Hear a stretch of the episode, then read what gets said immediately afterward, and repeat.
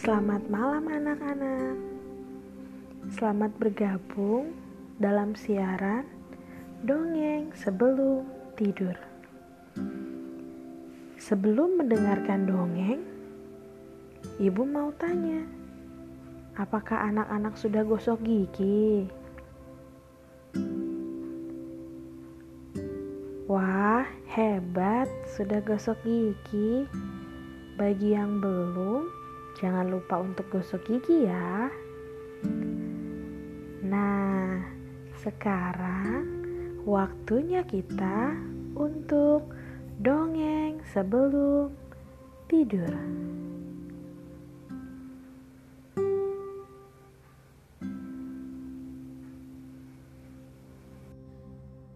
Kali ini ibu kita akan mendongeng dengan judul Terima kasih Ibu. Pada suatu hari di sebuah desa, tinggallah seorang anak bersama dengan ibunya.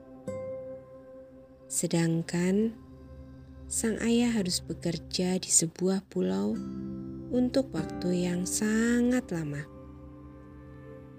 Rumah mereka yang sederhana jauh dari hingar-bingar keramaian kota kehidupan mereka pun juga sangat sederhana. Ibu berkata pada sang anak, "Senja, mengapa kamu diam saja, Nak?" Senja menatap wajah sang ibu dengan wajah yang muram. "Ibu, bolehkah aku meminta sesuatu?" Jawab ibu. Tentu saja nak, ibu akan berusaha memberikan yang terbaik untukmu. Senja ingin apa? Kalau ibu hanya ingin Senja tersenyum bahagia. Dengan tatapan yang penuh harap, Senja berkata, Ibu, aku ingin sekali makan ikan goreng seperti orang-orang di luar sana. Tapi aku tidak akan memaksa jika ibu memang tidak punya uang. Ibu Senja hanya tersenyum dan berkata, "Doakan ibu dan ayah ya, Nak, supaya ibu bisa selalu membahagiakanmu."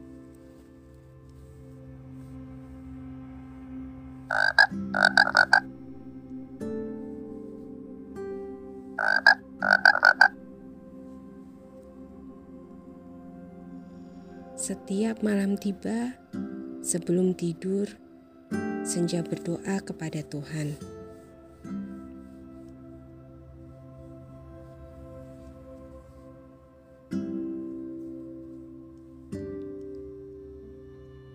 Tuhan Yesus, Senja ingin sekali makan ikan goreng.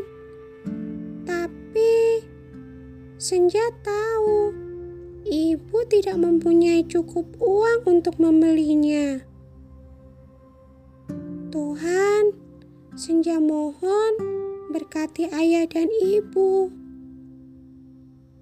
Semoga Tuhan berikan kesehatan bagi mereka agar dapat bekerja dengan baik. Amin.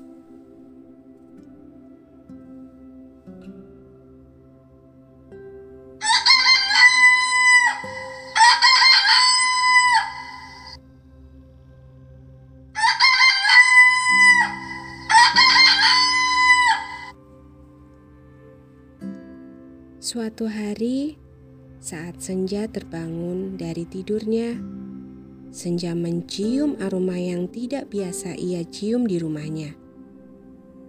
Ia berlari menuju ke dapur dan melihat ibunya sedang menggoreng ikan.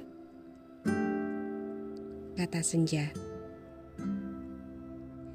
I, i, ibu, ini, ini ikan goreng untukku Jawab ibu. Iya, sayang. Berkat senja yang rajin berdoa untuk ayah dan ibu.